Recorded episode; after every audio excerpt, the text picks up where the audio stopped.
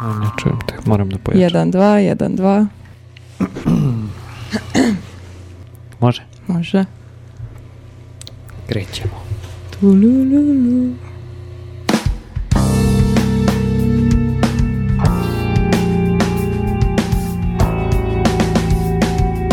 Radio Galaksija. Slušate naučni megafon. Thank you. Slušate vesti iz svemira i njegove okoline.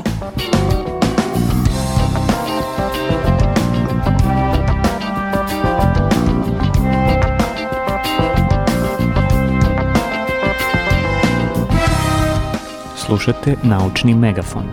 Naučne vesti, radio, galaksije. Naučne vesti, radio, galaksije. Kako uopšte možemo da znamo i što o tome?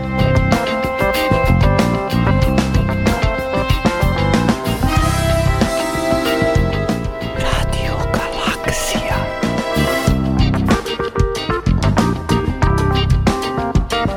Naučni megafon.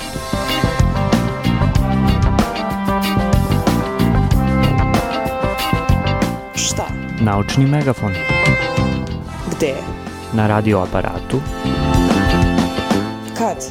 poslednjeg utorka u mesecu u 22 časa.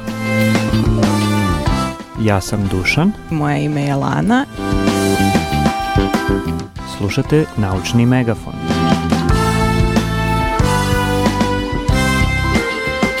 Zašto?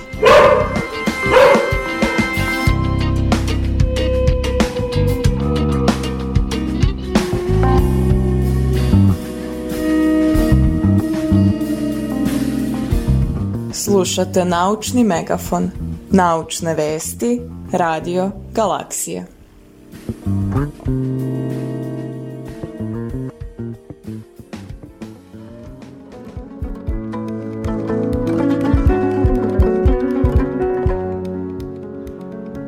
Zašto slušate naučni megafon? Vof, vof. Um, zašto slušate naučni megafon? Uh, zato što svakog poslednjeg uh, utorka u mesecu ili prvog Prvo. utorka u mesecu, da, kao sad, da, da. Uh, možete da čujete najnovije vesti, vrlo subjektivne, sve ono što se lani i meni dopadne uh, iz nauke i svega vezanog za nauku. Tako je. I sad je 1. februar, što znači da pričamo o januaru. Tako je. E, i šta smo imali u januaru sve? Pa imamo ceo jedan blok medicinskih vesti. Imamo malo vesti iz psihologije, malo arheologije, mhm. malo... Mm. Malo astronomije, imamo malo da. astronomije, uz zapravo imamo onu veliku vest koja će sada se prožima kroz verovatno svaki naučni megafon narednih meseci a to je to su vesti o James Webb svemirskom teleskopu jeste.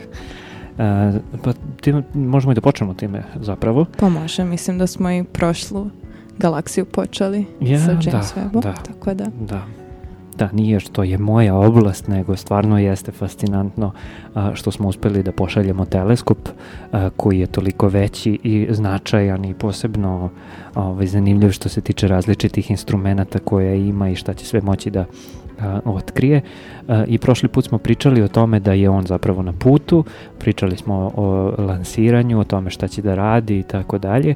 E, pričali smo i o toj čuvenoj lisažuvovoj orbiti, odnosno halo orbiti oko L2 tačke i pričali smo o tome šta je L2 tačka.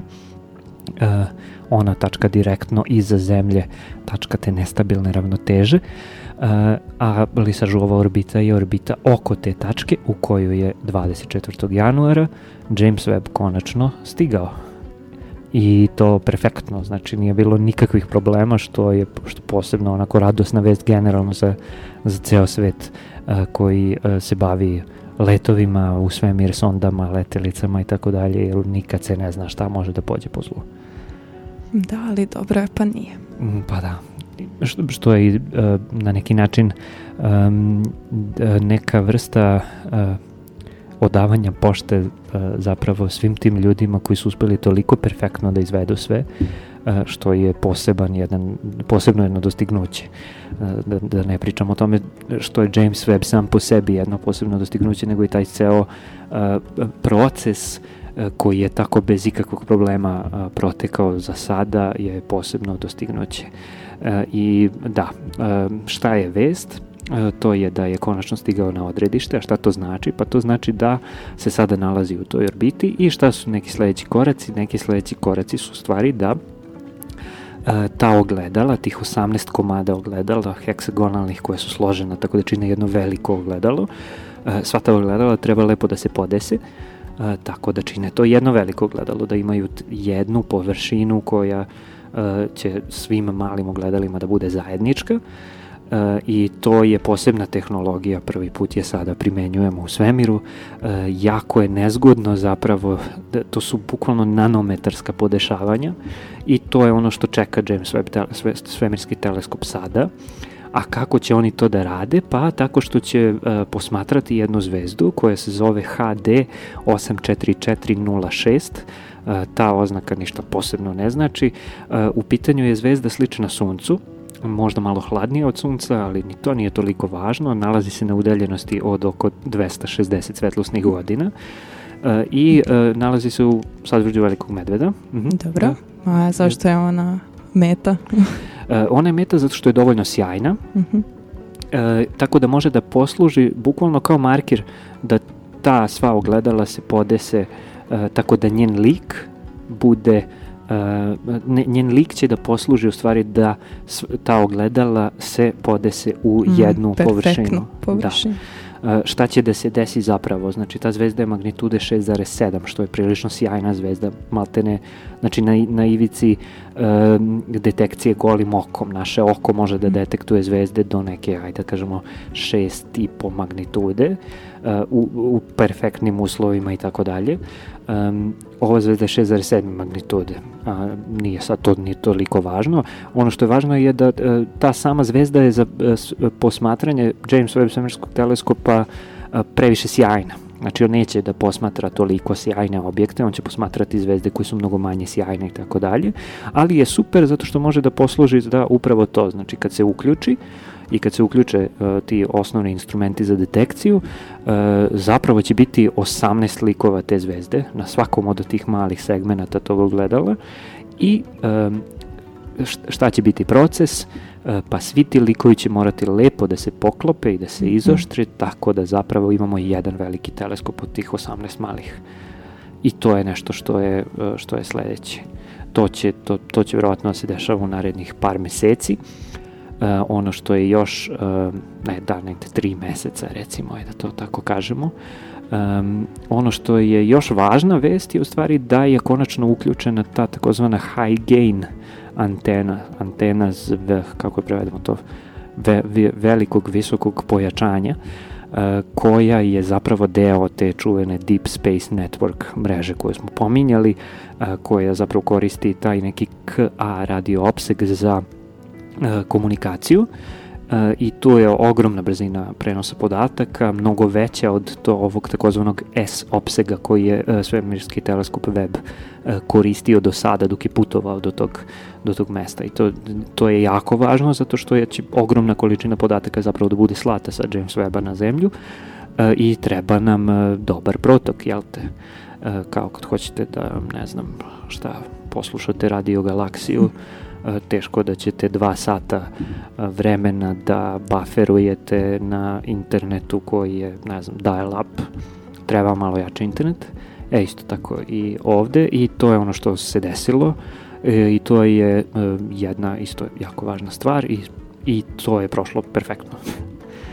Ono što je još važno, znači on ima nekoliko tih instrumenta, pominjali smo zapravo da je James Webb um, teleskop koji posmatra u vidljivom delu spektra, ali i u bliskom infracrvenom i u srednjem infracrvenom delu spektra, po čemu je specifičan i poseban. E, u srednjem infracrvenom delu spektra koristi taj e, takozvani instrument MIRI, mid infrared instrument, bukvalno se tako zove, e, koji je uključen još sam, na samom početku ali postoje još neki drugi um, instrumenti poput na primer, NIRCam, N I R C A M koji je zapravo Near infrared kamera, onda Near spec, što je Near infrared spec spektrograf i imamo jedan instrument koji se zove FGS NIR ISS.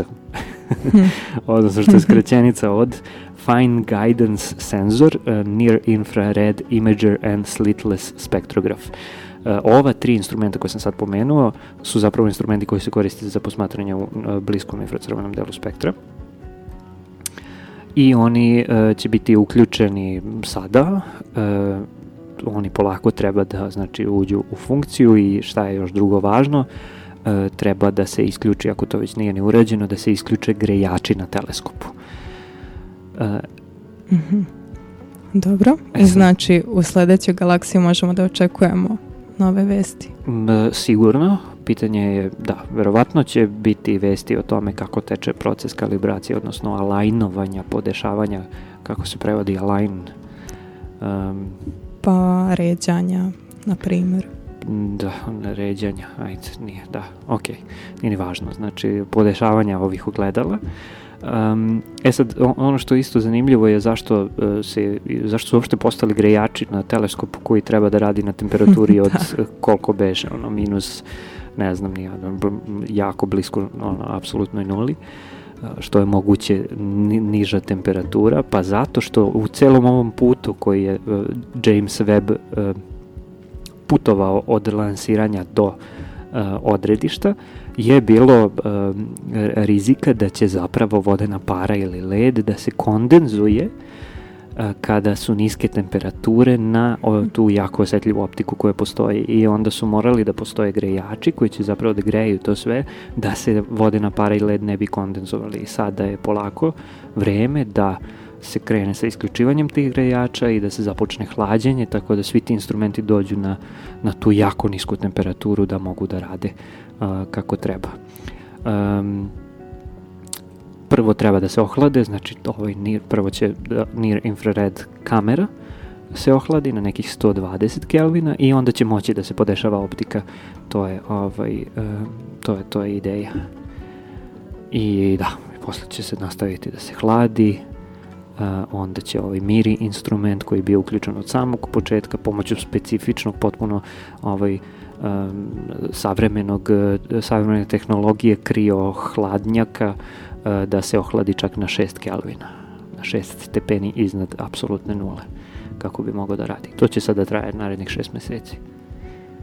Pa dobro, čekat ćemo.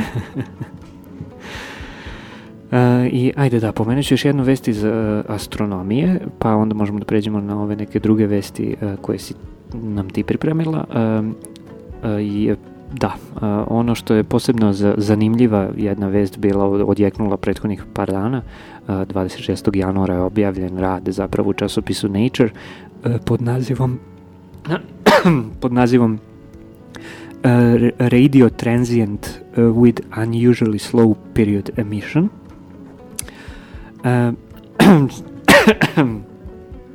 o čemu se radi? Uh, Polako. U, kao što sam nas, naslov kaže, u pitanju je jedan... Um, jedna pojava koja je detektovana, koja je detektovana u radiodomenu spektra, u teleskopima, teleskopom koji se zove Murchison Widefield Array, odnosno Murchison široko ugaona mreža, radio teleskopom koji se nalazi u Australiji, koji radi na niskim frekvencijama, radio talasa, detektor niske frekvencije radio talasa, detektovao je objekat koji ima jako neobično mali period emisije šta se desilo, zapazili su radio talase koji se pojavljuju i nestaju i to se pojavljuju i nestaju periodično. Uh, što nije redko, dešava se, imamo milion pulsara raznih nekih koji uh, u radio domenu zapravo imaju te uh, pulseve sekundne, milisekundne i tako dalje.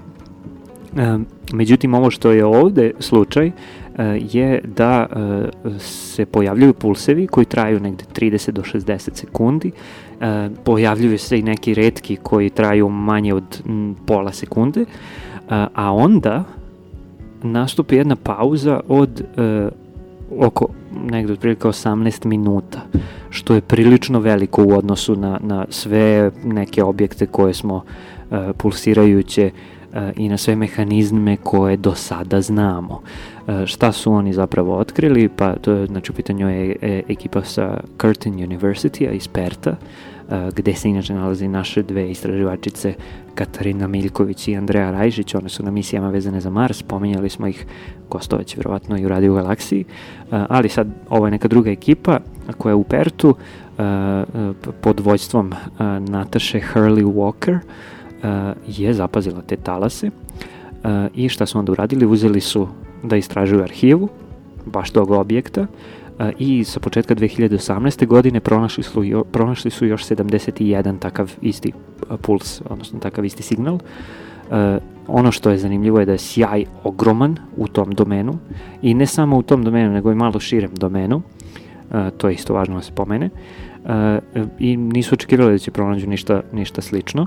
Eh, objekat se zove nebitno, znači to su neke ono glim crtica xj162759.5 povlaka 523504 povlaka tačka 3. Lepo ime. Znači kataloški je eh, b, ovaj broj nalazi se na nekih 4000 svetlosnih godina, znači nalazi se u našoj galaksiji. Pa eh, dobro, ali po imenu Musa ne vidi šta je objekat. E, pa da, ovo je Galaxy, da, ne znam. Možemo da potražimo, pa ćemo mm -hmm. da, mhm. ne znam šta je tačno ova skrećenica. Um, e, šta znamo zapravo o tom objektu? E, kada se pojave takvi pulsevi, to zapravo znači da postoji neki mlaz radio zračenja e, koji ide negde e, u nekoj, i, e, po nekoj osi zapravo i kada taj objekat rotira, ta osa može da nas pogodi, da pogodi zemlju, odnosno da pogodi vizuru posmatrača, tako da tako se vide zapravo ti pulsevi. Objekat rotira, recimo da je to u pitanju neka zvezda, e, taj objekat rotira, ta osa rotira zajedno sa objektom i na, svakih, na svaki jedan period rotacije e, taj mlaz radio zračenja ili bilo kog drugog zračenja, x zraka i tako dalje, pogodi zemlju, mi to detektujemo kao mm -hmm. puls, zato što taj zrak prođe dalje, um, zapravo postoji znači kontinuitet u emisiji, ali kod nas uh, je samo pulsan i um, da, eh, znači to, to je jedna pretpostavka, znači to je verovatno neko telo koje rotira. Ono što je druga pretpostavka je da je verovatno da ima jako magnetno polje, zato što tako intenzivna emisija uh, E, se dešava samo kod objekata, za sad ono što znamo, koji imaju jako magnetno polje i ne samo to, nego taj signal koji stiže, to radio zračenje koje stiže do nas, e, je e, veoma visoko linearno polarizovano. Šta se dešava? Šta znači da je linearno polarizovano? Znači da elektromagnetni talasi koji su u stvari ajde da tako banalizujemo, kombinacija električnog i magnetnog polja koje osciluju normalno jedno na drugo, uh, E, kada zapravo e, postoji neko uređeno magnetno polje, neko magnetno polje i tako dalje, ti talasi mogu da se urede, odnosno magnetno polje može da ih orijentiše. Tako da te oscilacije električnog i magnetnog polja budu u, u suštini u istom smeru. E, gore, dole, gore, dole, ne znam, levo, desno, levo, desno, kako već. Um, I linearna e, polarizacija je upravo to, znači oni većina, ogromna većina to, tog zračenja koje dolazi, ti zraci su polarizovani linearno, mm -hmm. odnosno svi oni osciluju gore-dole što je verovatno posledica toga da postoji neko jako magnetno mm -hmm. polje tu. I u suštini to je sve što znamo. Hm. Ono što e, treba da saznamo je e, čega tu još ima, ima, da li ima još takvih objekata. E, tako da se sada traži još ovakvih ili sličnih objekata kako bi se ustanovilo šta bi to tačno moglo da bude. Mm -hmm. Postoje neke pretpostavke. Macamaljci. E, e pa i to to je super što si pomenula, naravno kad god su takvi pulsirajući objekti u pitanju, e, no, pomislimo su neki da. vanzemaljci. Pa da, pravilno je, ne znam, u radiodomenu, u radiodomenu se dešava komunikacija i da. tako dalje i tako dalje. Međutim, ono što e, je jako e, ukazuje da nisu vanzemaljci je to što je ovaj signal prisutan i na drugim opsezima, u širem opsegu frekvencija. Da je veštački, on bi zapravo bio na jednoj mm -hmm, određenoj jedan. frekvenciji, da. da. Kao što, da, mi radio aparat ne slušamo na, na frekvenciji, Ali nego na da internetu. slušamo na frekvenciji, bila bi jedna jedina. Jest, da.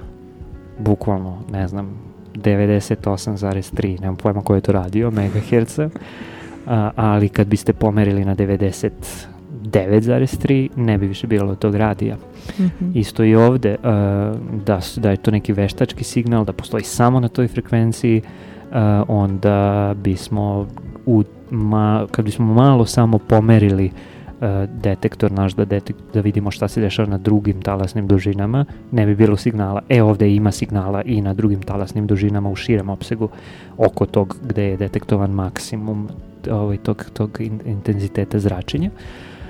Tako da to nisu vanzemaljci. Šta ah. može da bode, i to je jedna pretpostavka koja najviše pije vodu trenutno, a to je da je u pitanju magnetar, mm Dobro, magnetar je? magnetar je neutronska zvezda koja ima jako magnetno polje. Mm -hmm. uh, I, um, ok, to je jedna pretpostavka, međutim, mi ne znamo za neutronske zvezde koje tako sporo rotiraju.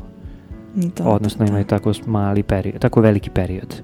I to je sad jedna ovaj, uh, jedna misterija i ne samo to, nego znači ne, ne znamo za neutronske zvezde koje tako sporo rotiraju, a, a imaju... Tako su sjaj. Jeste, da. E, tako da ovo bi mogla da bude neka nova vrsta, neki, neki magnetar a, e, koji ima ultra dugački, odnosno to oni to, to su nazvali a, e, ultra long period magnetar. A, e, I vidjet ćemo šta će dalje se dešava. Eto, zanimljiva je tema. Jeste zanimljiva da baš sad kad smo pomenuli vanzemaljce i traženje nekih obrazaca u nepoznatim i neosmišljenim stimulusima imamo sad jednu vest koja se može nadovezati na tu priču. Mm -hmm. A, jel, mi ljudi volimo da pronađemo neke smislene obrase i u neosmišljenim stimulusima kao što na primer u oblacima vidimo oblak, vidimo ne oblake, nego neke predmete, životinje, Obli, oblike. oblike, lica. Um, I upravo to prepoznavanje lica je nekako najspecifičnije za ljude i pretpostavlja se da je to zbog evolutivnog značaja uh, odnosno produkt evolutivnog razvoja čoveka, jer to prepoznavanje lica je jedna od najvažnijih sposobnosti za opstanak i za razvoj ljudske vrste. Mm -hmm. um, ovaj fenomen psihološki da se u neosmišljenim stimulusima a, pronalaz, pronalaze neke, neke smisleni a, oblici. A, naziva se pari, pare i dolija mm -hmm. i postoji ovaj najprisutniji oblik ovog fenomena vezuje se upravo za prepoznavanje lica i jedno istraživanje koje je u stvari izašlo danas, 1. februara je upravo se bavilo time eh, da se u nekim svakodnevnim objektima u kojima mogu da se vide neki oči, usta, ne znam, o, sigurno možete da se setite nečega što od kućnih predmeta u čemu možete da vidite nekog smajli ili tako nešto. Mm -hmm. e, zadatak je bio da se prepozna pol u tim. E, pol tog lica. Da, da, da tog mm -hmm. prepoznatog lica. E, I to je jedna američka studija gde su stvari na 250 prikazanih fotografija koje čega, dakle od krompira do kofera što bi rekli istraživači, um, ispitanici trebali da kažu da li vide muško, žensko ili neutralno lice mm -hmm. i nekih 17% je reklo da ima sličan broj muških i ženskih, svega 3% da su u pitanju e, većinski ženska lica, a ono, 80% su muška lica uh, ono većinski su prisutna u ovim oblicima. Znači, bez obzira na pol ispitanika, znači, e, da. oni su imali mm. i muške i ženske ispitanike, da? Mm -hmm. I muški i ženski ispitanici su pokazali istu pristrasnost kod prepoznavanja pola u ovim stimulusima, dakle, nije bilo razlika kod pola ispitanika u prepoznavanju pola na slikama. E, I sad mm. zašto se to desilo? ne zna se Zato što smo patrijarhalno društvo. Moguće. Dakle, jedno od onako intrigantnih pitanja koje je postavljeno eh, je da li bi se ovakvi rezultati dobili u matrijarhalnim društvima ili bi se dobili neki potpuno obrnuti ili drugačiji rezultati, to ostaje kao otvoreno pitanje. Mm -hmm. Ali um, jedno od potencijalnih objašnjenja um, koje izlažu istraživači jeste da u nekako bazičnim licima bez mnogo detalja uh, intuitivno prepoznajemo muški pol, dok kod um, lica sa više detalja um, vidimo ženski pol. Mm -hmm. I mhm. sad oni kao neki slikovit uh, primer daju emotikone ili Lego kocke, gde u stvari uh, ženske igračkice su iste kao i muške, samo imaju neke uh, dodatke, detalje. Mhm, mm mm mhm. mhm. E, da. da. Znači mi, a, ako pogledamo emotikon, veća je verovatnoća, znači ovaj običan emotikon, šta god, smiley, mm -hmm. veća je verovatnoća da ćemo da ga procenimo, odnosno dosta veća, 80%, da, je verovatnoća da. da ćemo da ga procenimo kao muško lice. Iako nema nikakve muške karakteristike, mm -hmm, neutralan je u suštini, mm -hmm. ali većinski će da se proceni kao muškog pola. I potrebno nam je da, da bismo ga procenili kao žensko lice, potrebno je da ima neke detalje poput, ne znam, duge kose. lupa. Da, da, karmina ili mm -hmm, tako mhm. nešto. Mm -hmm. Naravno, ovo je samo jedna potencijalna potencijalno objašnjenje, jedna hipoteza. Um, ovaj, da, ono što um, da, pretpostavljam da su oni zapravo uh, imali uzorak koji je uh, različit tog uzrasta.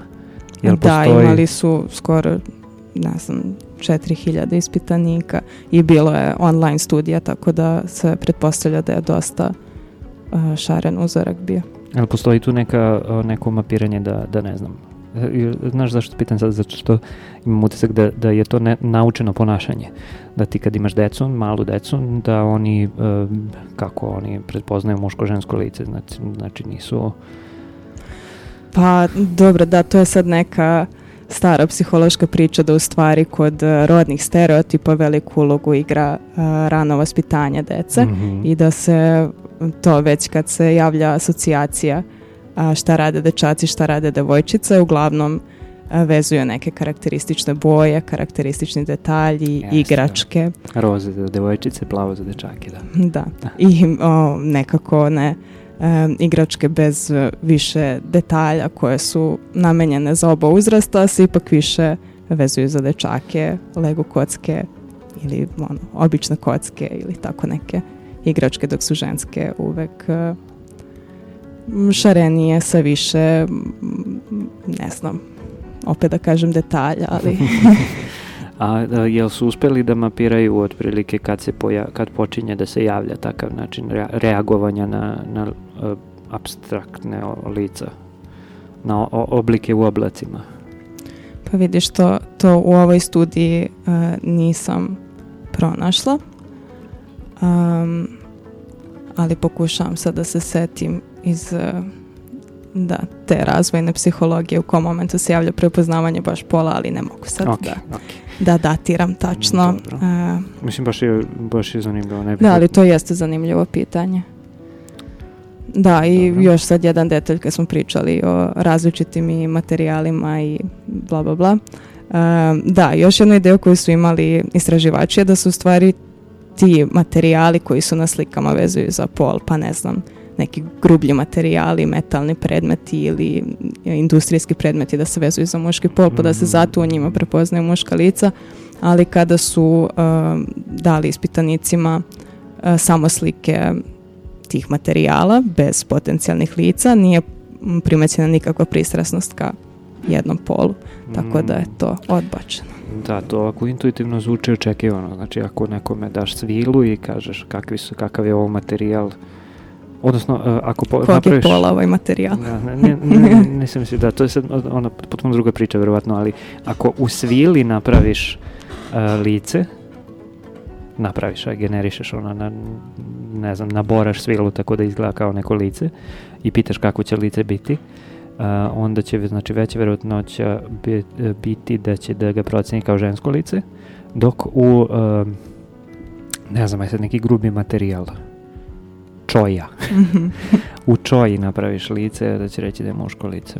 Hm? Jel da, to, ali, to, to ali to, da, to je, to je bila ideja, ali nije pronađen taj. Aha, ok. E, e pa da, super, da. super. Da, da. A, dobro, dobro. Jel ima još nešto? Pa što se ove vesti tiče, to bi bilo nekako uh, to, ali ajde kad smo kod likova, da pređemo sa likova na tikove. asocijacija liktik. tik. ok. Um, da. Um, ova vest u stvari um, se vezuje za to kako, uh, kako nastaju tikovi, koji deo mozga je zaslužan za uh, razvoj tikova. Um, I ovo je jedno istraživanje koje je objavljeno u Brainu. Um, I sad um, kad se govori o tikovima, to su obično se manifestuju kao neki brzi pokreti ili zvuci koji se proizvode i koji se javljaju iznenada da brzo i bez nekog okidača, bez očiglednog izazivača. Um, I ono, motorni tikovi su, na primjer, brzo treptanje, trezanje glave, vokalni su pročišćavanje grla, zviždanje. Čačkanje brade. Da. to je motorni u stvari. To može da se čuje. Da. Um, da, ali um, u suštini kada se govori o nekim ozbiljnijim oblicima tikova, to su, postoji jedan najprisutniji je Toret sindrom um, i on podrazumeva um, tikove koji su uh, Eh, često vezani za anksioznost i za obsesivno-kompulsivni poremeć, ADHD, depresiju, um, koji mm-hmm. nekako uh, može da dovede do socijalne izolacije uh, sve u svemu.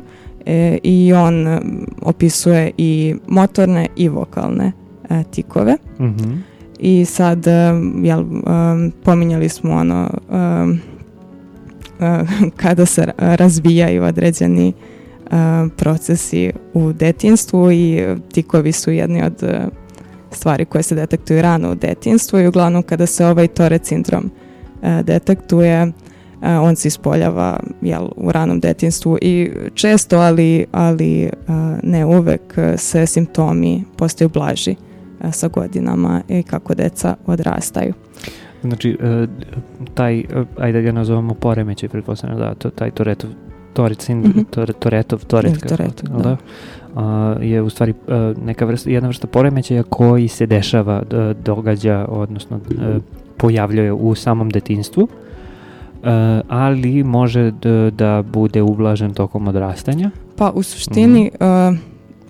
u stvari, tikovi se mogu razviti u detinstvu, ali Toret sindrom Aha, ako se, aha, ako aha, tikovine prestanu, onda može da se da onda se može razvije, da se razvije u to recimo. Da, da, da, da, okej. Okay. Znači ovde, ovde sad govorimo o e, poremećaju, a tikovi sami u detinjstvu su nešto što je, ajde da kažemo uslovno normalno da. ovaj, ponašanje. Da. Da, okej.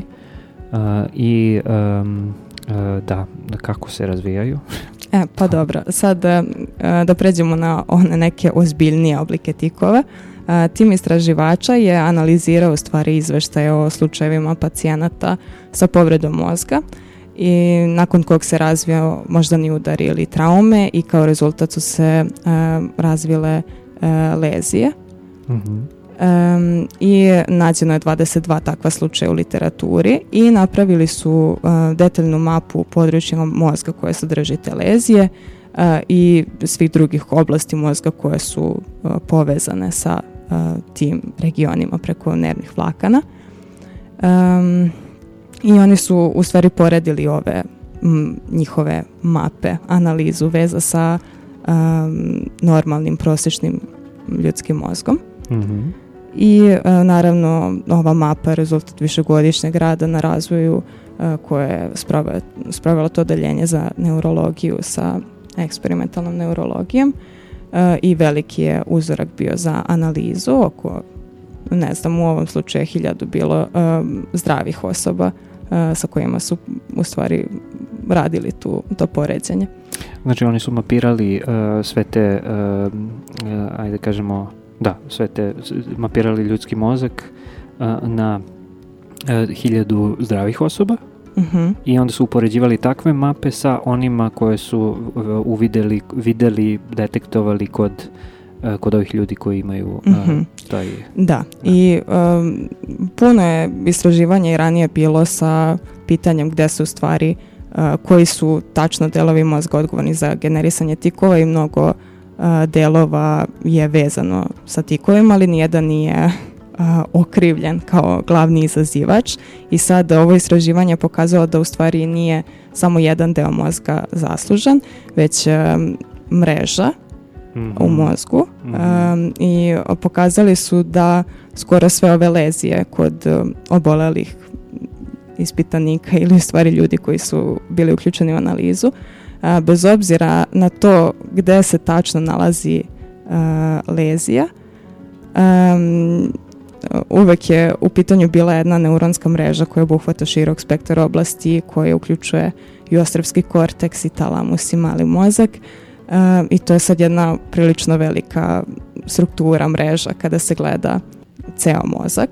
Mm -hmm. e, I ona ima veliki spektar funkcija od kontrole motornih pokreta do obrade emocija i eto, svi su oni bili potencijalni uzroci tikova, ali sada e, je pokazano da u stvari je ta mreža e, može da izazove poremećaj. E, I onda su oni koristili ta nova saznanja za e, o, pacijente sa ovim Toret sindromom.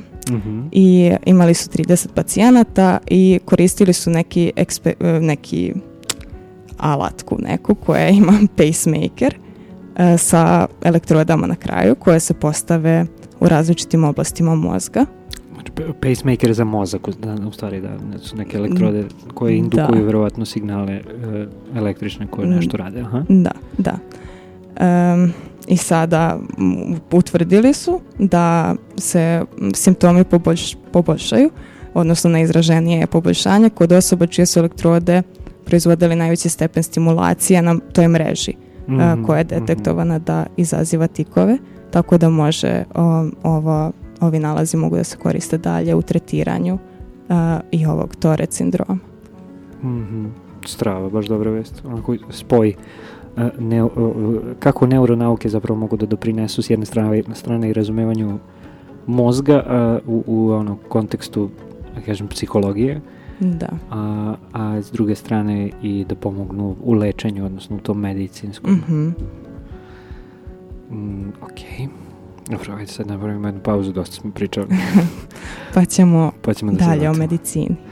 Ok, uh, e, slušamo uh, ajde jazz večeras uh, Duška Gojkovića i uh, stvar koja se zove Handful of Soul.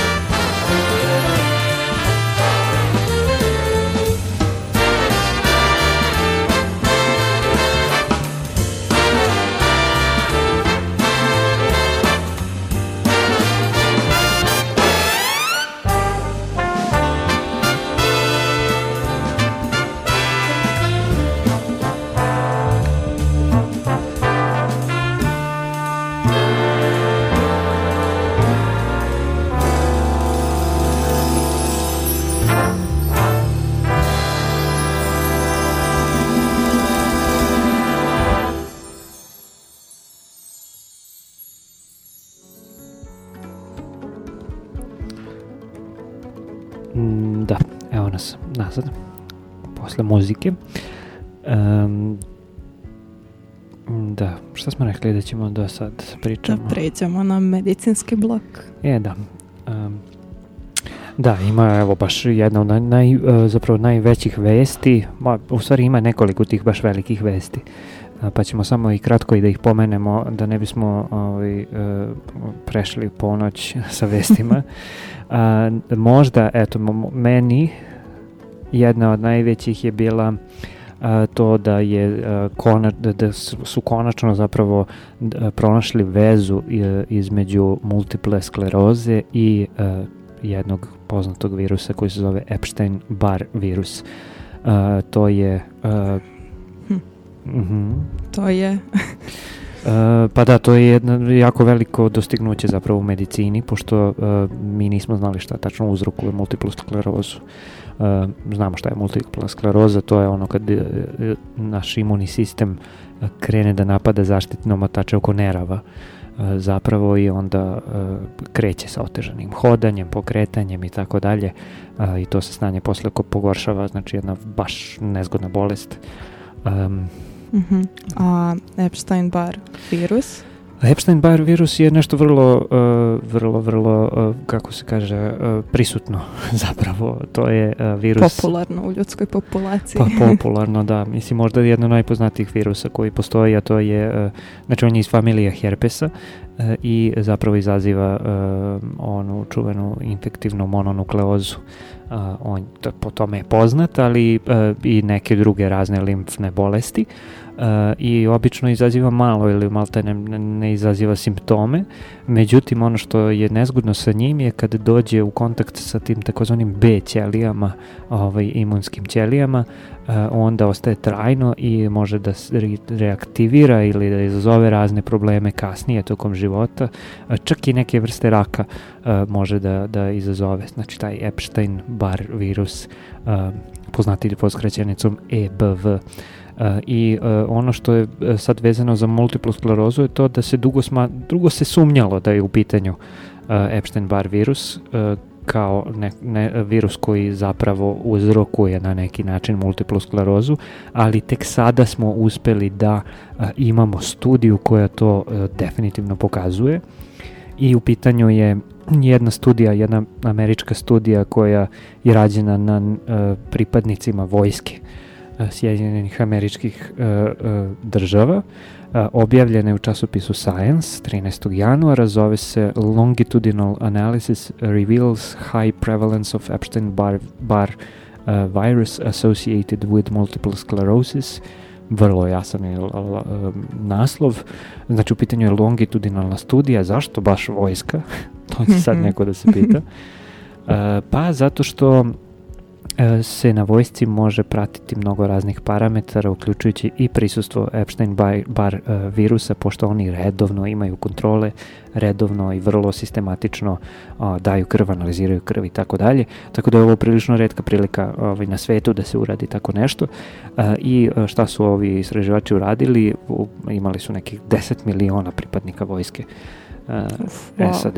Mm -hmm i šta su videli, e, zaključili su zapravo da e, od 10 e, miliona tih ljudi 955 petoro od njih je razvilo multiplu sklerozu negde otprilike 10 godina nakon što je uzet prvi uzorak.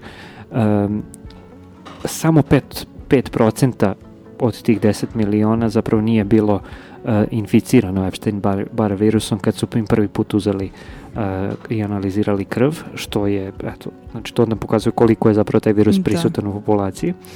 E, međutim, znači šta je ovde situacija sa brojkama?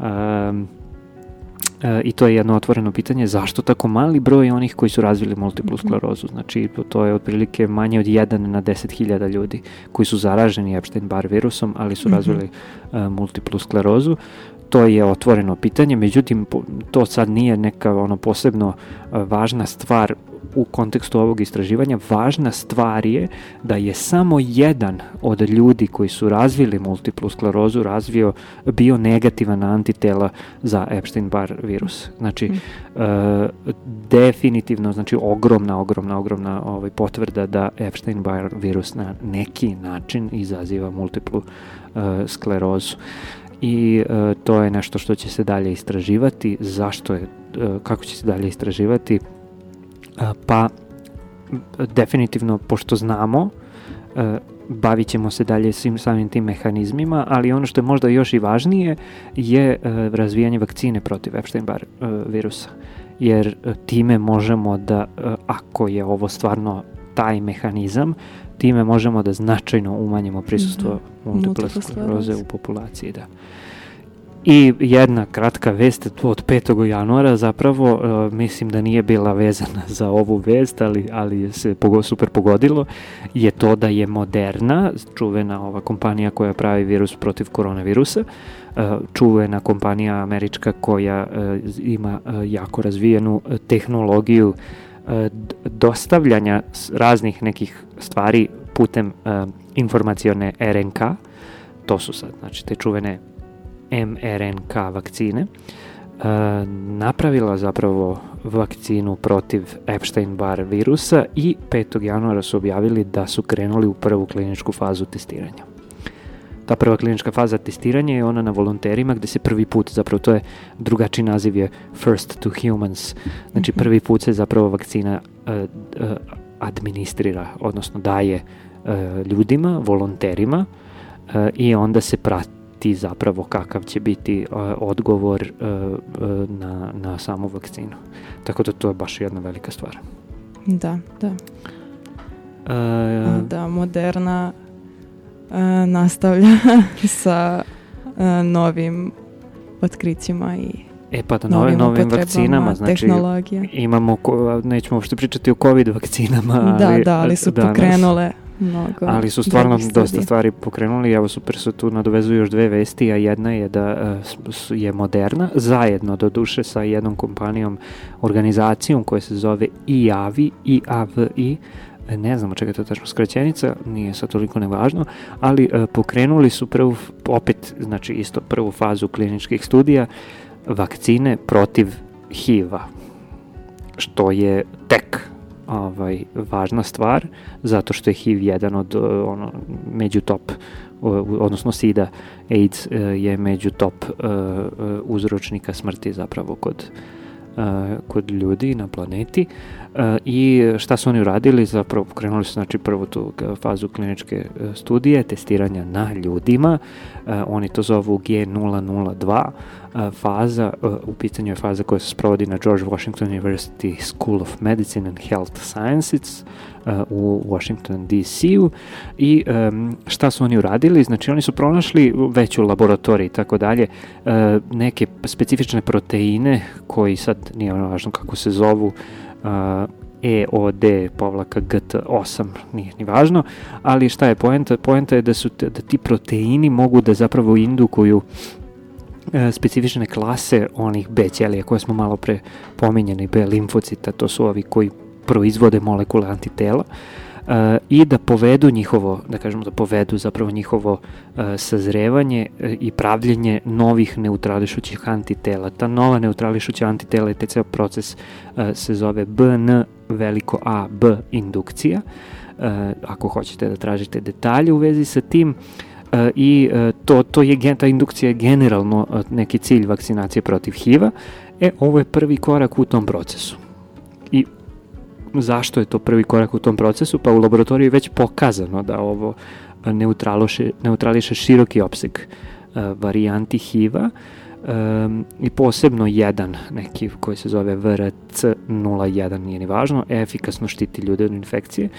Um, i, uh, i to je u onoj prvoj fazi, uh, znači prekliničkoj fazi uh, su njega ispitivali. E, mRNK tehnologija nam zapravo omogućava uh, da ove proteine možemo da dostavimo ćelijama i da tako indukujemo zapravo ceo, ceo taj proces i posebno nam je važna ova tehnologija zato što uh, jako brzo radi i daje eh, mnogo responsivniji pristup uh, i dizajnu vakcina i testiranju vakcina i tako dalje što samim, samim tim se skraćuje taj period dugi ispitivanja i po, uh, pravljenja vakcine koji se meri u godinama, decenijama i tako dalje. Ovo sad može da za dosta godina skrati taj, taj period. I šta je sad ovde? 56 zdravih HIV negativnih odraslih volontera će primiti, e, da, od tih 56 48 će primiti E, jednu do dve doze ovog proteina,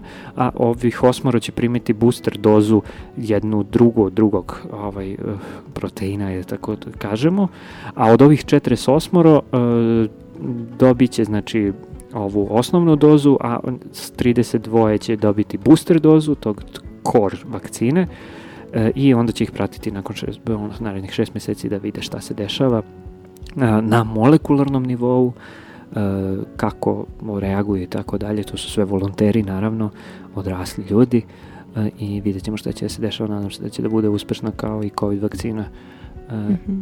i da će nam otvoriti stvarno mnogo, ajde da kažem, važnih otkrića kad je u pitanju suzbijanje ovog, ovog baš nezgodnog virusa. Držimo palčeve. I samo ću kratko da pomenem i ovaj, još jednu stvar vezano za mRNA tehnologiju, a to je da su, prv, da su jedni istraživači uh, primenili zapravo da tretiraju uh, oštećenja na srčanom mišiću.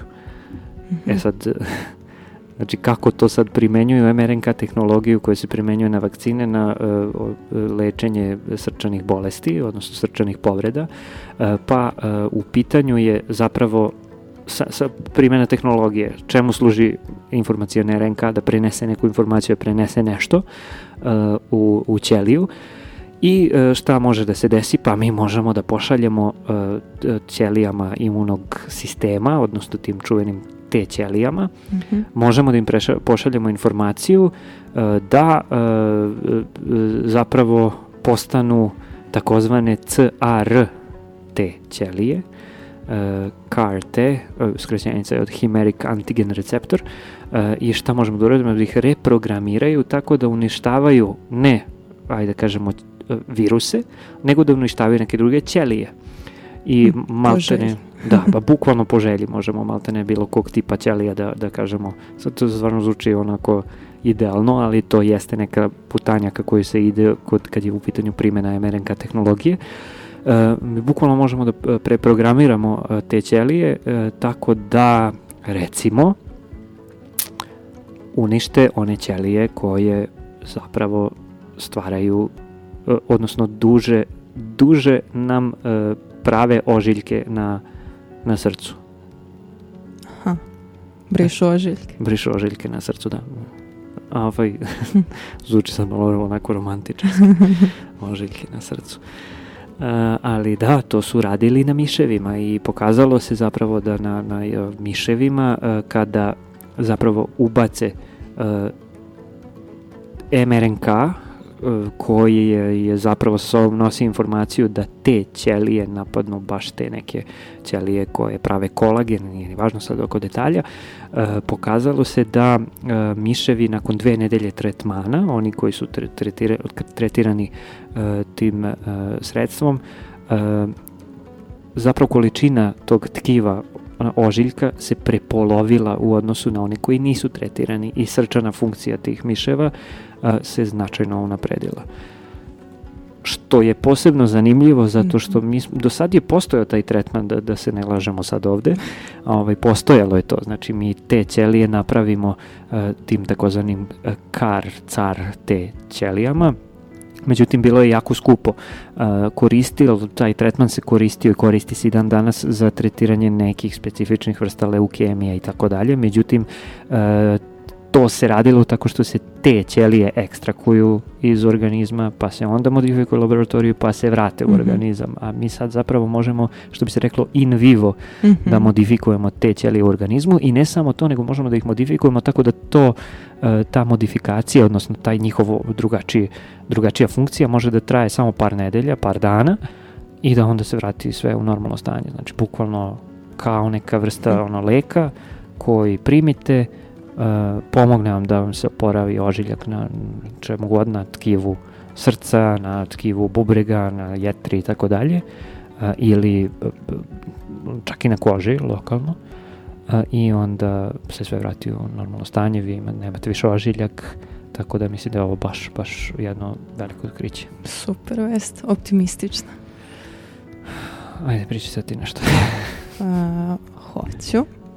Pa ajde sad da se e, nadovežemo, to je da nastavimo sa medicinom, malo ćemo da pređemo na COVID, ali kad smo već e, e pomenuli prilično brzo lečenje i e, povratak srca u, u punom sjaju, um, pojavila su se neka nova istraživanja koja su vezana za decu i um, COVID I e, u ovoj američkoj studiji bavili su se e, multisistemskom inflamatornim multisistemskim inflamatornim sindromom koji se naziva MISC e, koji je detektovan kao rezultat COVID-19 koji je u stvari i prisutan kod dece. Um, Mm, znači COVID-19 izaziva multisistemski inflamatorni sindrom. Da, e, da posljedica je mm -hmm. od COVID-19 kod dece i, i a, e, može se pojaviti 4 do 6 nedelja nakon što su a, e, bila izložena COVID-19 i može da izazove upalu na srcu, na plućima, bubrezima i tako dalje, koži. Um, i uh, uglavnom u većini slučajeva, većini slučajeva oko 80% uh, eh, zahvata levu komoru srca eh, što je kada je detektovano u stvari podiglo veliku paniku logično i kod roditelja i kod dece i sveopšte kod ljudi mm -hmm. ali ova nova studija je veoma olakšavajuća u stvari zato što se pokazalo da se ova jel, e, sindrom u stvari povlači 3 do 4 meseca a, e, u stvari nakon lečenja, odnosno nakon tretmana a, e, COVID-a.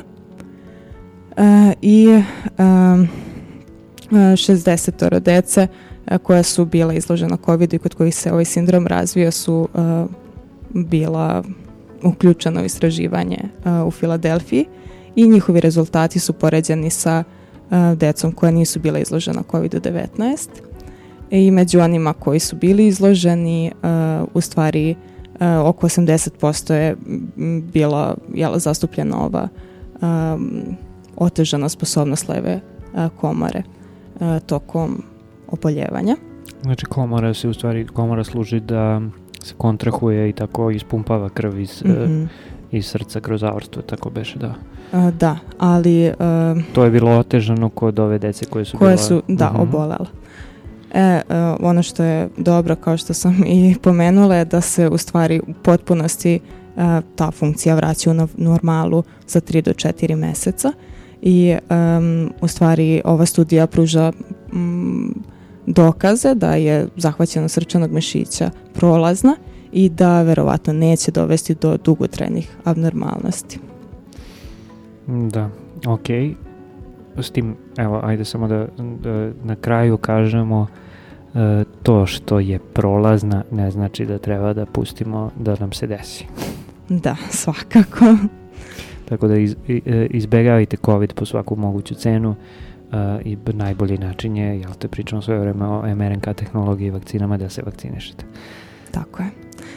Eh, sad kod još jedne eh, kod još jednog dela populacije koji je u stvari eh, još osetljiviji i još pogođeniji težim oblicima koronavirusa da malo pričamo o pušačima i možda se sećate na početku pandemije kada se pojavilo jedno istraživanje koje je reklo da u stvari su pušači imaju manje šanse da obole od oboljevanja, jer nikotin sprečava vezivanje virusa za receptore. To bi moj iracionalni argument, ma neće me, ja sam pušač. Da, da, da. Šalim se, šalim se nije. Da. netočno, netočno, netočno, netočno. Mm, dakle, no. Da. po Svetskoj zdravstvenoj organizaciji 50% su veće šanse od oboljevanja od težeg oblika virusa kod pušača. E, I sad ja sam se odlučila da pomenem ove zato što je juče 31. januara bio nacionalni dan bez duvanskog dima iako, i um, tada je objavljena ova uh, vest, mislim, mm -hmm. na BBC uh, Balkan. BBC na srpskom. BBC da, na srpskom. Da, da. da, da. gde su u stvari govorili o tome kako pušači u Srbiji i u svetu su reagovali na pandemiju i kako su promenili svoje e, navike. I sad e, svakakvih je tu rezultata bilo, u većini slučajeva nisu, e, nisu menjali svoje pušačke navike, a, a oni koji jesu uglavnom su, imaju od 18 do 29 godina i to su uglavnom povremeni, a ne stalni pušači. I um, um, autori su se pozivali na jednu američku studiju iz maja, um, gde se pokazalo da oko 30% pušača je povećalo upotrebu divana, a isto tako možda malo više je smanjalo konzumiranje cigareta. Mm. Um, I sad ima tu i za i protiv. Oni koji su prestali da puše, to jest koji su smanjili ili potpuno prestali da puše, kažu da je um, u stvari većina su većina ispitanika, dve trećine se složila da pušenje povećava rizik od zaraze COVID-19 i teže e, forme mm, bolesti. E, I sada upravo to percepcija rizika je svakako bila povezana sa povećanim interesovanjem za prestanak pušenja um, i nekako opet e, briga za zdravlje E, povećana svest o fizičkom zdravlju i emocionalnom zdravlju, mm -hmm. a opet s druge strane i oni koji su rekli da su povećali uh, unos duvana uh, su rekli da je uzrok uh, stres izazvan pandemijom i uz povećanu anksioznost i frustraciju što su rezultati koji su dobijeni i u Italiji, u Nemačkoj, u Velikoj Britaniji gdje je došlo do velikog porasta ukupnog broja pušača.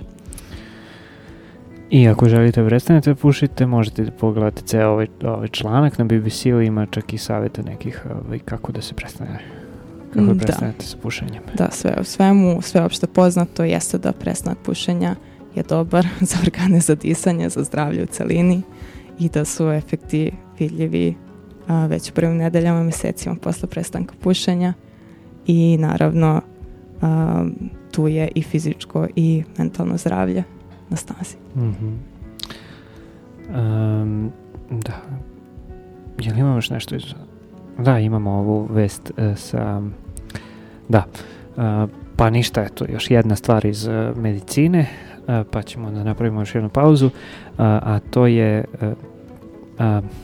kako da počnemo? Pa eto, nemojte da završite u bolnici, nikako, ni po koju cenu, šta god da se dešava. Tako je zato što su bolnice rasadnici e, e, zapravo antimikrobne e, rezistencije, odnosno bakterija koje su e, rezistentne na antibiotike e, i ima ih mnogo i to je potpuno neverovatno zapravo kako neke od njih ni na šta ne reaguju, bukvalno su neuništive. Uh, E, e sad, o čemu e, se ovde radi u ovom, ovoj vesti e, danas koju smo izdvojili? Izdvojio sam rad koji je objavljen u Lancetu 19. januara, jedno od najpoznatijih medicinskih časopisa, koji se zove global burden of bacterial antimicrobial um, resistance in 2019 a systematic analysis. Dakle, u pitanju je sistematska analiza antimikrobne antibiotske rezistencije bakterijske u 2019. godini.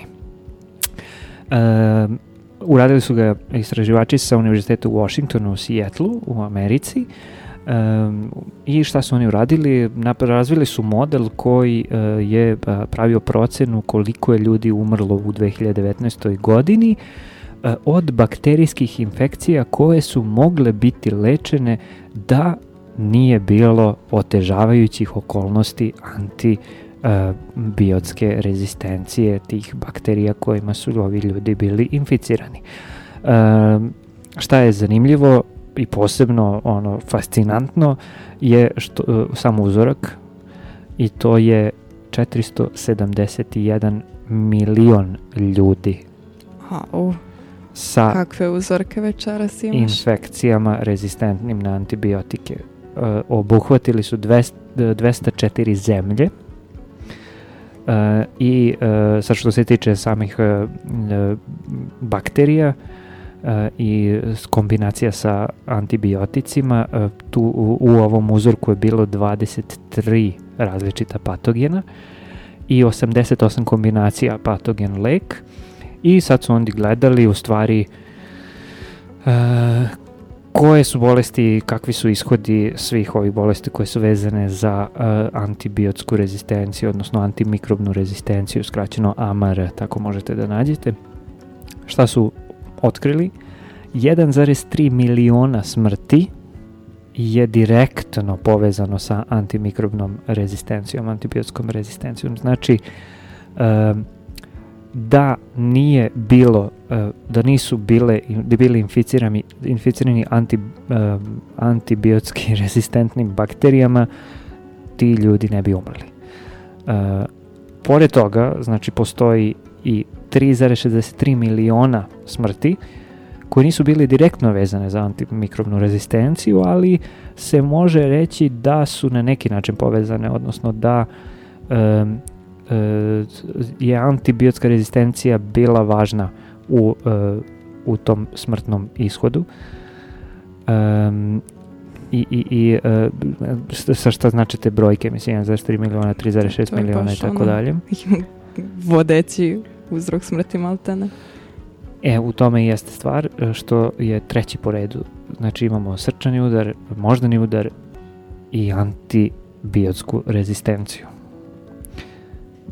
potpuno nekako nije direktan uzrok smrti zapravo, znači smrt, mm -hmm. uzrok smrti je bakterijska infekcija i tako dalje, ali je zapravo ako, ako malo sagledamo širu sliku, uzrok smrti je upravo to što su te bakterije rezistentne na antibiotike. I koje su sad to bakterije? Uh, da, u stvari, pre nego što pomenem to, Eh, da, da imamo malo širi kontekst svega toga, eh, pominjali smo HIV, odnosno mm -hmm. AIDS, eh, u svetu je 2019. godine od AIDS-a umrlo 680.000 ljudi. Znači, to je uh, ono, duplo manje nego ovih smrti koje su direktno, ve, direktno posledica antimikrobne rezistencije, a ako obuhvatimo i ovih 3,6 miliona još dodatno, to je više struko manje.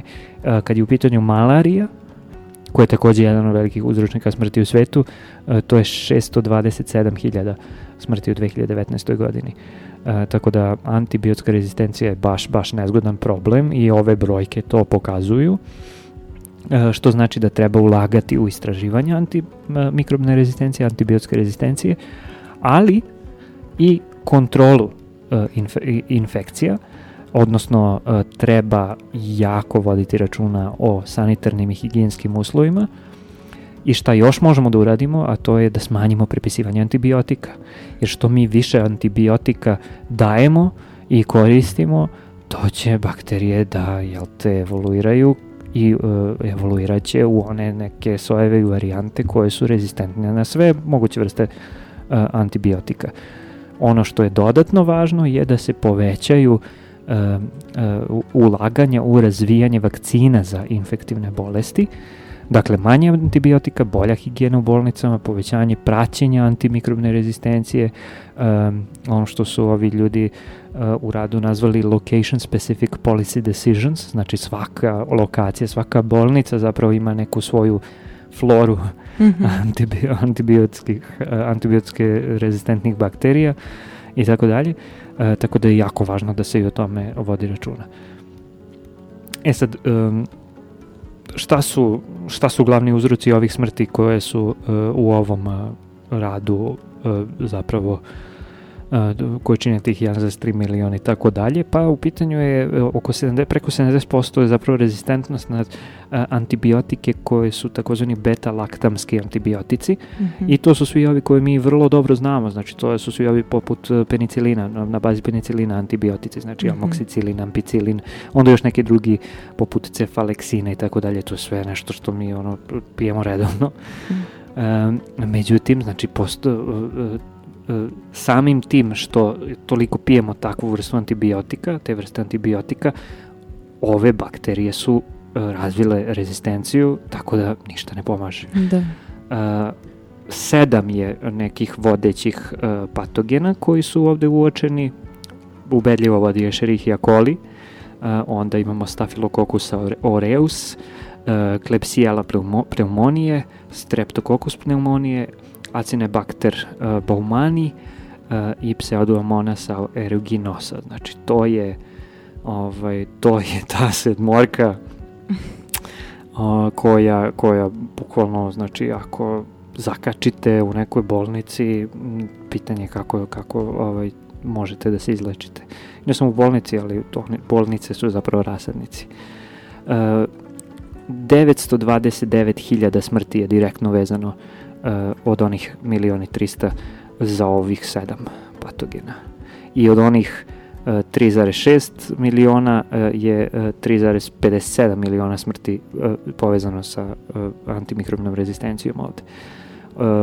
To su bakterije koje su, odnosno Eh, stafilokokus aureus koji je rezistentan na meticilin i tako dalje. Znači samo on eh, je preko 100.000 smrti direktno eh, od, odradio što bi se reklo.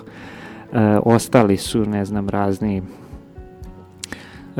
razne tuberkuloze, razne cefaleksin rezistentne, escherichia coli i tako dalje i tako dalje. Znači ima nekoliko tih koje su mapirane e, ok, ništa posebno, ništa posebno u, u nekom naučnom e, na, ne, ne postoji neka posebna naučna vrednost ovog rada, ali je jako važno da. E, što ukazuje na to koliko je važno da se bavimo antibiotskom rezistencijom i razvojem e, vakcina za infektivne bolesti. Da, da, meni je baš onako udarna vest u stvari, jel? A dobro, možda sam ja previše naglasio pa, nekako dobro, da, ali nekako nešto što možda, mislim, svakako ne bi prvo palo na pamet kao uh, jedan od vodećih uzroka smrti. Da, pa da. Da. Pritom ovo ne znači da ne treba piti antibiotike, samo, da, da, samo da. treba jako, to, to, ovo je sad više poruka lekarima zapravo, uh, nego, nego za... nama, običnim korisnicima lekova. da, za neke promene, da. modifikacije. Da. Treba baš voditi, voditi računa kad se koji antibiotik daje i u kojoj meri i tako dalje, a ne samo evo ti antibiotik. Uh, pauza. Pauza. Pauza. Uh, sad ne znam da li da pustimo, nećemo puštamo neki jazz, nego ajde pustit ćemo uh, pustit ćemo Rodriga i Gabrielu i to obradu uh, Metalikine pesme Orion.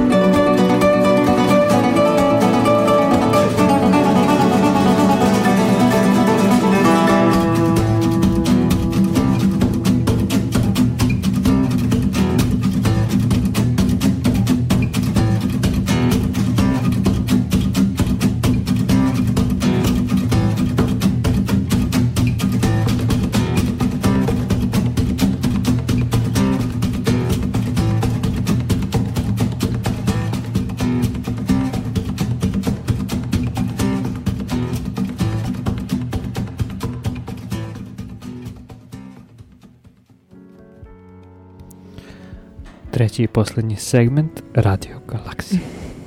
Naučnog megafona. Da. To znači, stalno, ono, kad je naučni megafon, stalno pričamo Radio Galaksija, što jeste deo Radio Galaksije, a, ovaj, a kad je Radio Galaksija, odnosno kad imamo ovaj Nightwave Sessions koji je ono, muzička emisija koju imamo ovde na radiju, stalno imam potrebu da kažem slušate Radio Galaksiju. Eto, navike. A šta još imamo? Pa, ajde uh, da zatvaramo uh, medicinske vesti. Malo ćemo sada da nazovemo ovo životinskim segmentom, iako nije baš klasično životinsko carstvo. Mm -hmm. um, pripremila sam još jednu kratku vest um, uh, sa ribicama koje se zovu zebrice, ali su ribice. No, oni su baš poznat, poznate ribice u biologiji. Da, a i u akvarijumu ima također. Oni e. su, oni su dobar, e, izvini što sam te prekinuo, oni su baš dobar model organizam zapravo u biologiji, stalno ih koriste za razne istraživanja. Pa da, evo sad su jednu genetski modifikovanu e, zebricu koristili za jedno zanimljivo istraživanje koje je vezano za e, ulogu estrogena, ali ne za onu e, jel, primarnu ulogu e, kada u razvoju pola, polnog identiteta, kada se u stvari uh, pol pojedinca fiksira u jel? Muški, ženski ili interseks, da. Da. E, um, kod uh, ove genetski modifikovane um, ribice, zebrice, ribe, mm -hmm. detektovana je mala grupa ćelija u predelu mozga gde se razvija čulo mirisa, odnosno olfaktorna sjelica. Uh, kako, i kako? Olfaktorna sjelica. U stvari reaguje na estrogen okay. i pre nego što se dođe do um, uloge estrogena u razvoju pola. Uh, u stvari, uh, ćelije koje uh, reaguju nazivaju se aerob ćelije, odnosno estrogen responsive olfactory bulb. Okay. Ćelije olfaktorne sjelice koje reaguju na estrogen. Okay. E, I sad, uh, zato što je ova Ehm, riba genetski modifikovana dopušta u stvari da se ehm, da se vide ove ćelije i tkiva koje reaguju na estrogen na mikroskopskim snimcima. Uh I sad e, neke prethodne studije na miševima su pokazale da estrogen da je važan za razvoj um, somatosenzornog korteksa mozga i za um, uspostavljanje seksualnih e, dimorfnih moždanih tkiva koje onda posreduju reproduktivnim funkcijama u ponašanju u kasnijem životu. A u ovoj studiji um, u stvari jel, pokazano je da ova olfaktorna sjelica je jedan od najranijih delova mozga koji uh, reaguje na estrogene u uh, embrionu zebrice. Da. Znači prenatalno. Da. da Um, I dakle, um, praćenjem razvoja ovih ćelija, aerob ćelija, uh, korišćenjem različitih metoda, pokazalo se da stupaju u interakciju sa olfaktornom senzornim neuronima i da kada se one oštete ili kada se gube dolazi do oštećenja ovih olfaktornog sistema. I to je nekako ukratko novost. mm Mm -hmm. Uh, I uh, ovo istraživanje objavljeno je u časopisu Development i zove se Estrogens Regulate Early Embryonic Development of the Olfactory Sensory System via Estrogen Responsive glija. Mm -hmm. Znači čulo mirisa nam je prvo koje će da nam pokaže zapravo kako, na koji način će se pol um, odrediti manje više, jel da? Pa, da kažem. ok, A, da. da. Da u suštini estrogeni uh, imaju uh, više važnih uloga u embrionu fazi. Aha, okej, okay, okej, okay, da, dobro, dobro. A, nisam te skroz dobro razumela, dobro, da. okej. Dobro, možda sam ipak malo zbrzala vest, ali da, dakle, uloga estrogena pored e, po, u razvoju pola je i u razvoju olfaktornog mhm, sistema. Mm -hmm, mm -hmm, ok, ok, ok. Časopis development, ok. Tako je. Dobro. Uh, e, e dobro. Šta imamo još? Pa, ajde sad, kad smo pričali o ribama, možemo malo da pričamo o nekim drevnim magarcima. Dobro. Sve su to životinje? Pa da. Okay. I koje kakve životinje su nastale i posredstvom ljudi od mazge do ligra, za kojeg sam tek čitajući mhm. saznala da je lav tigar, nisam naletala na životinje. Stvarno, lav tigar je ligar? Da. Da. okay. Dakle, lista hibridnih životinja je prilično duga. A, ispostavilo se drevna. A, dakle, pronađena je mazga iz hiljadite godine pre nove ere u Anadoliji a, koju je ova ista grupa istraživača pronašla 2020. godine, a sada su našli još jedan stariji hibrid koji se zove kunga. Dobro. I to je najranija poznata hibridna životinja koju su ljudi uzgajali. I zanimljivo je što potiče eh, iz eh, siro Mesopotamije, eh, životinja nalik konju, koja datira iz perioda pre nego što su konji uopšte bili prisutni u Aziji. Mm -hmm. što je kad? Uh... Pa negde m, mm, ovo je, ove, ovaj, ove životinje kunge su od pre oko 4500 godina, a pre oko 4000 godina su se pojavili prvi uh, konji mm -hmm. u mhm. Aziji. Okay. E, I e, ovaj hibrid nastoji ukrštanjem magarca i hemipe, a hemipa je vrsta azijskog divljeg magarca. E, I sad, zašto su uopšte ukrštali ove životinje? Pretpostavlja se da su imale ulogu u, naravno, prenosu vuči mm -hmm. a, mhm. i za neke ratne potrebe da su bile veoma cenjene i skupe, a s obzirom da su a, i ovako magarci tvrdoglavi, a kamoli divlji magarci neurotljivi, očigledno su ovi hibridi bili um, lakši za pripitomljavanje. Tvrdoglav kao magarac, kao divlji magarac, to je ono sledeće. Kao hemip. I sad, eto, um, i zanimljivo isto je da su te hemi, hemipe izumrle um, mnogo pre nego što je pronađen ovaj, ovaj ukršten hemipa, tako da je nepovratna vrsta stvari sada. Mm -hmm. Znači jedini zapravo, uh, ajde kažemo, um, potomak hemipe je uh, ta ukrštena vrsta. Da, i, ova, i imamo sačuvane nekako ostatke ove kunge, odnosno potomka Hemipe mm -hmm, nekim vidovima mm -hmm. umetničkih dela i glinanim pločama iz ovih drevnih vremena. Mm -hmm, um, dobro. Da li mogu ponovo da se pojave? Pa ne mogu, zato što nemaju više um, nema više Hemipa zato što su nestale. Da, okay. um, otprilike vek e, kunge su pronađene otprilike vek nakon što su e, hemipe nestale. Um, dobro, znači ovo je vest o životinjama od pre 4500 godina. A, a ja sad imam jednu vest o životinjama, odnosno ne samo o životinjama, nego od generalno ekosistemu i životinjama i biljkama a, e, od pre 11 do 16 miliona godina. Odnosno iz perioda miocena i to iz Australije. Eto, Australija je bila u žiži javnosti ovog meseca. Mhm.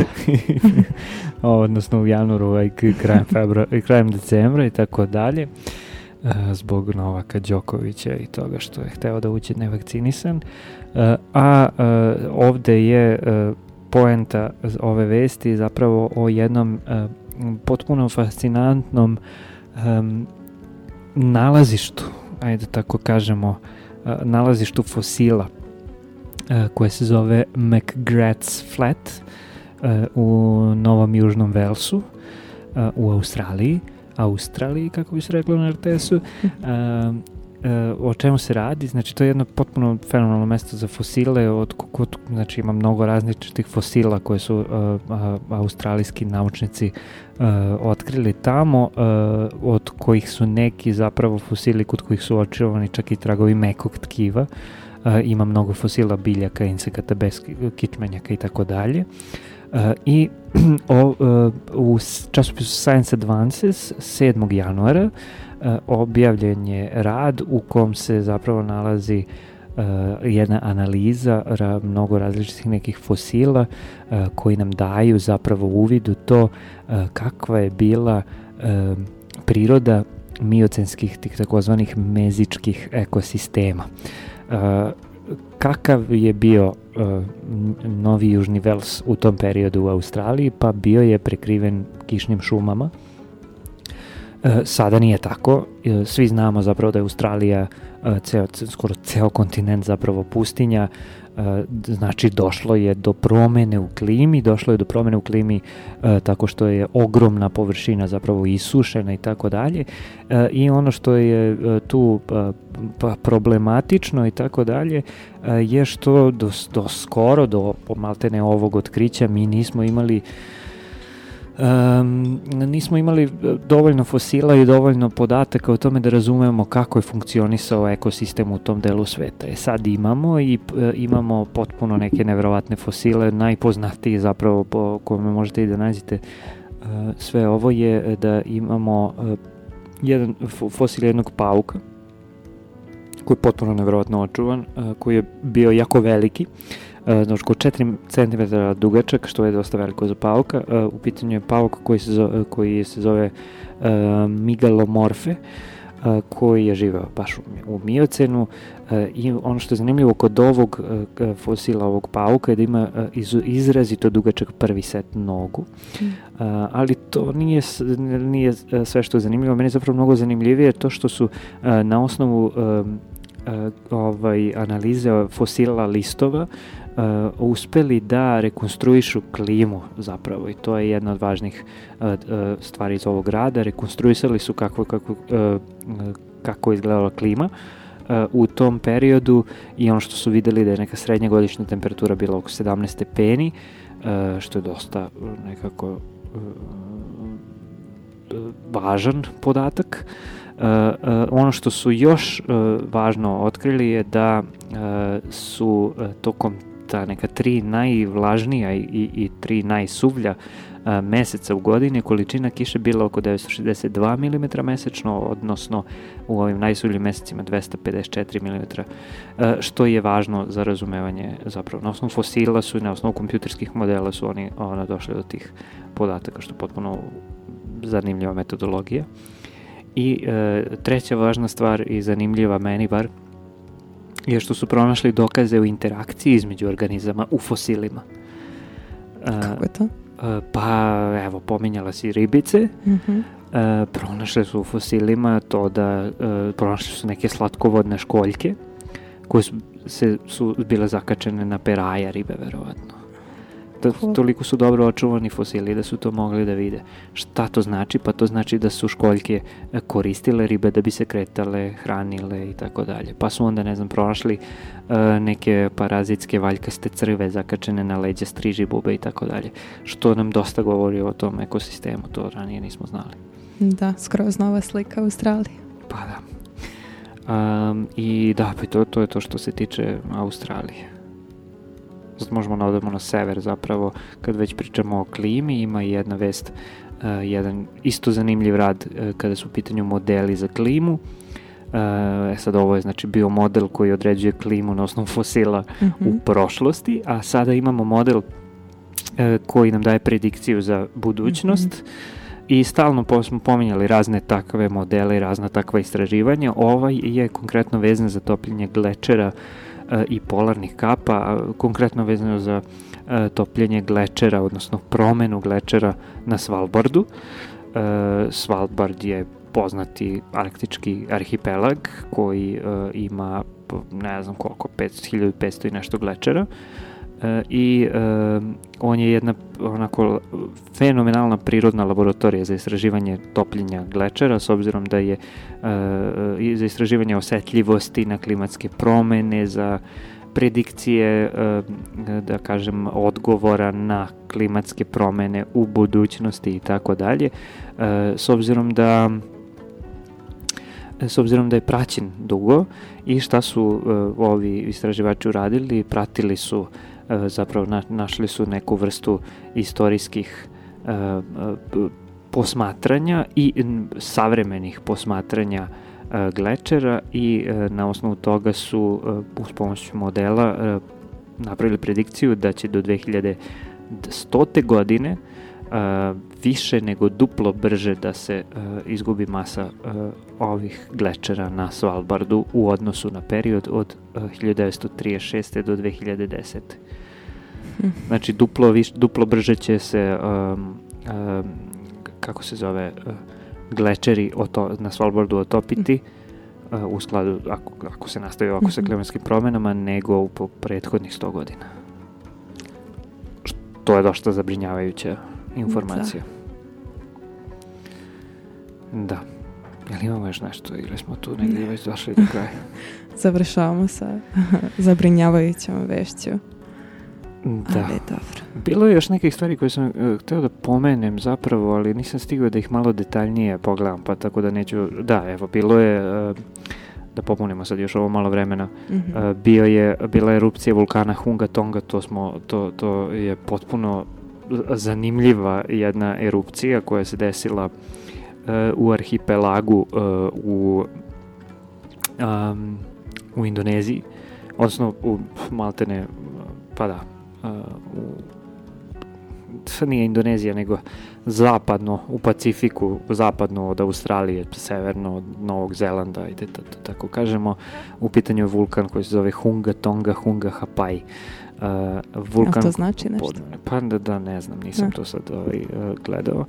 Uh, tu su ranije postajala ostrava uh, i uh, vulkan je mm, desila se erupcija koja je bila podvodna erupcija, međutim šta je ovde meni bilo zanimljivo, možete pogledati recimo na sajtu Eh, Earth, nasine NASA Earth Observatory ima dosta zanimljivih informacija o ovoj erupciji i tako dalje. Ono što je meni bilo najzanimljivije je zapravo što eh, se udarni talas koji se eh, preneo kroz atmosferu od te eksplozije detektovao svuda širom planete, detektovali smo ga čak i mi u, u Srbiji, ne znam, na Institutu za fiziku, na nekim um, instrumentima koji mere pritisak zapravo vazduha. Mm. Jer šta je udarni talas? Udarni talas je zapravo nagla promena pritiska u sredini.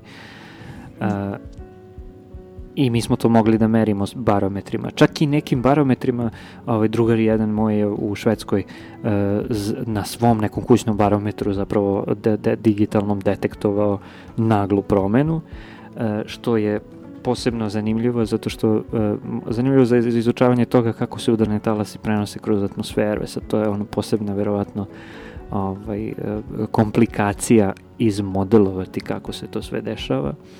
Ali nam je jedna potvrda da je zemlja okrugla. Da.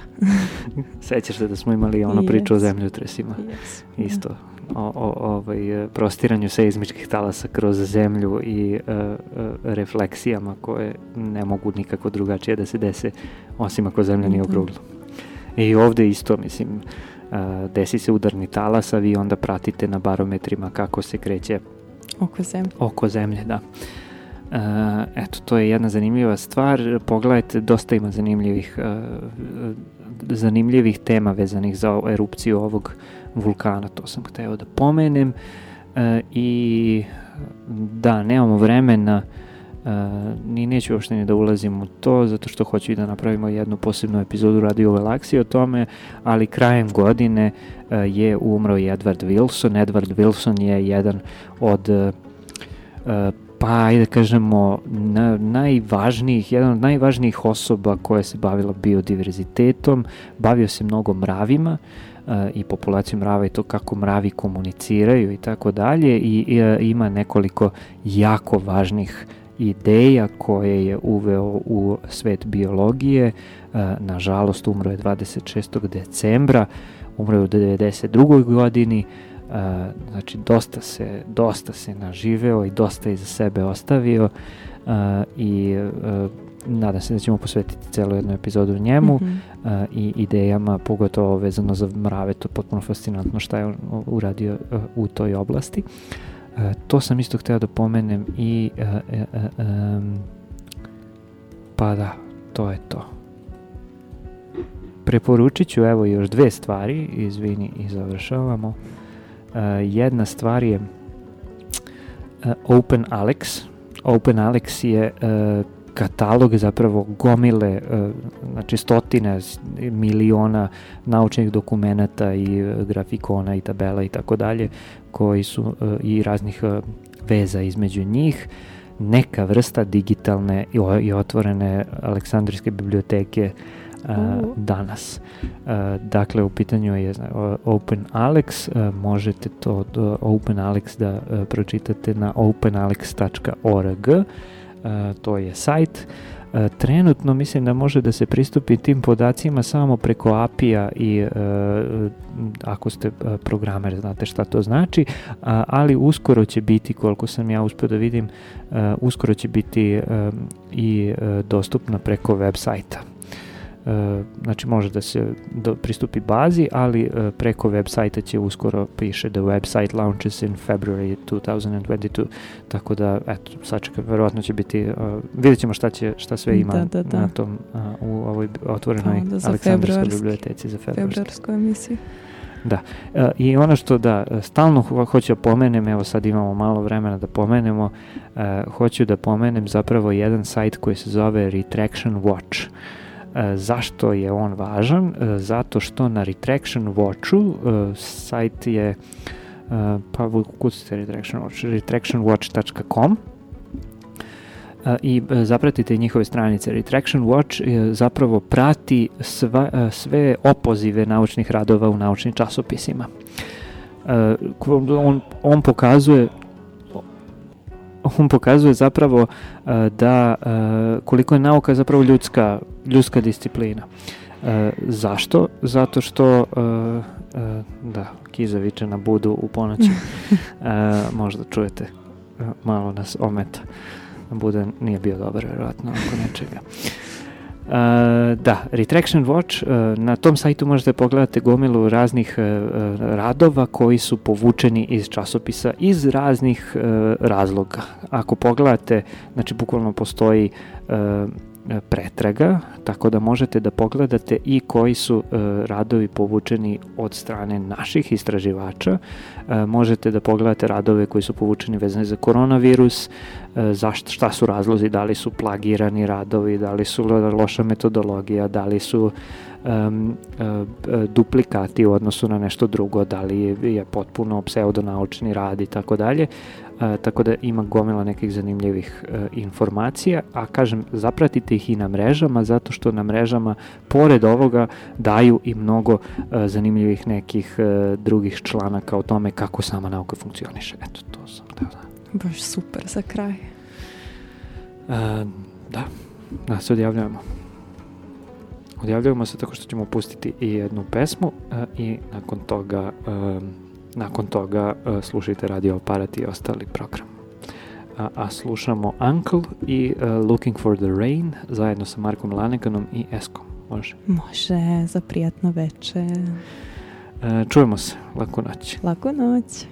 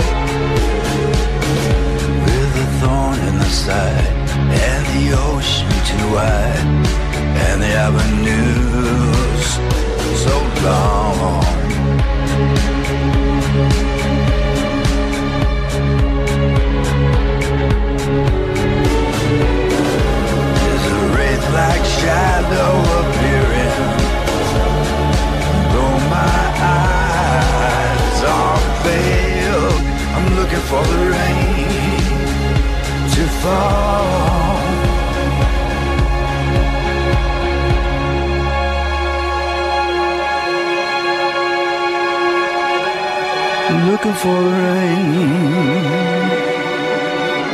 to fall.